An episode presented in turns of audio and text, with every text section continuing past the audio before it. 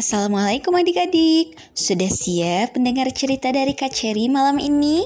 Kali ini kakak akan menceritakan sebuah kisah berjudul Kisah tentang berbuka puasa Selamat mendengarkan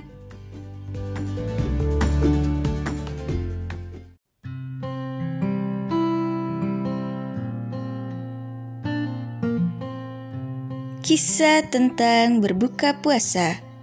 Pada suatu hari, ada seorang anak kecil bernama Aisyah yang sangat senang menjalankan ibadah di bulan Ramadan. Ia selalu berpuasa dan memperbanyak ibadah lainnya seperti membaca Al-Quran dan sholat tarawih.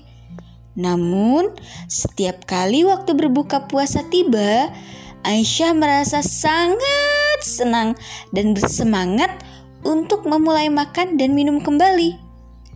Suatu hari, Aisyah dan keluarganya sedang menunggu waktu berbuka puasa sambil bersama-sama membaca Al-Quran. Ketika waktu berbuka tiba, mereka pun mempersiapkan hidangan yang telah disiapkan sejak pagi. Namun, ketika hendak memulai makan, Aisyah merasa cemas dan bertanya kepada ayahnya, Ayah, ayah, apakah kita boleh makan sebanyak-banyaknya saat berbuka puasa? Ayah Aisyah pun tersenyum dan mengajarkan sebuah hadis yang berbunyi, Sesungguhnya, makanan yang cukup bagi dua orang adalah cukup bagi tiga orang, dan makanan yang cukup bagi tiga orang adalah cukup bagi empat orang.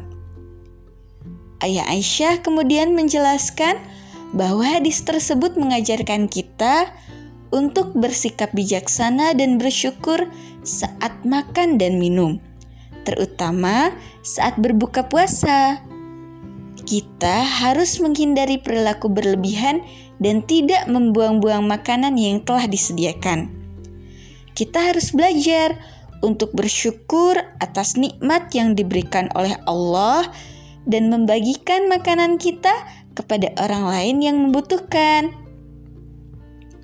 Setelah mendengar penjelasan ayahnya, Aisyah merasa lebih menghargai makanan yang telah disediakan dan memutuskan untuk tidak membuang-buang makanan. Ia belajar untuk bersyukur dan berbagi dengan orang lain, serta menjaga keseimbangan dalam mengonsumsi makanan dan minuman. Nah, adik-adik, dari cerita ini kita bisa mengambil pelajaran bahwa menjalankan ibadah puasa di bulan Ramadan tidak hanya sekedar menahan lapar dan haus, namun belajar tentang makna bersyukur, menghargai makanan dan minuman, serta belajar untuk berbagi dengan sesama.